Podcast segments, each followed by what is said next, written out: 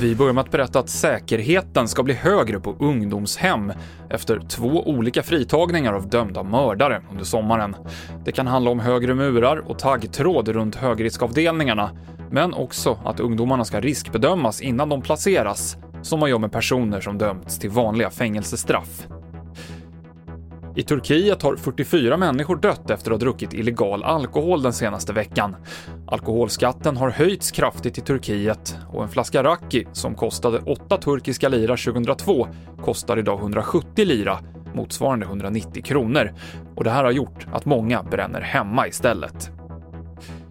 Det är redan i princip fullbokat i fjällen inför jul, nyår och sportlov. Det rapporterar SR som pratat med flera av de stora destinationsbolagen. Det här kan bero på att det kanske inte går att besöka Alperna i vinter.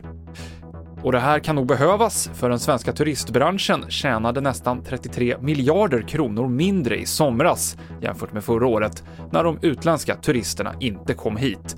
Det här uppger branschorganisationen Visita.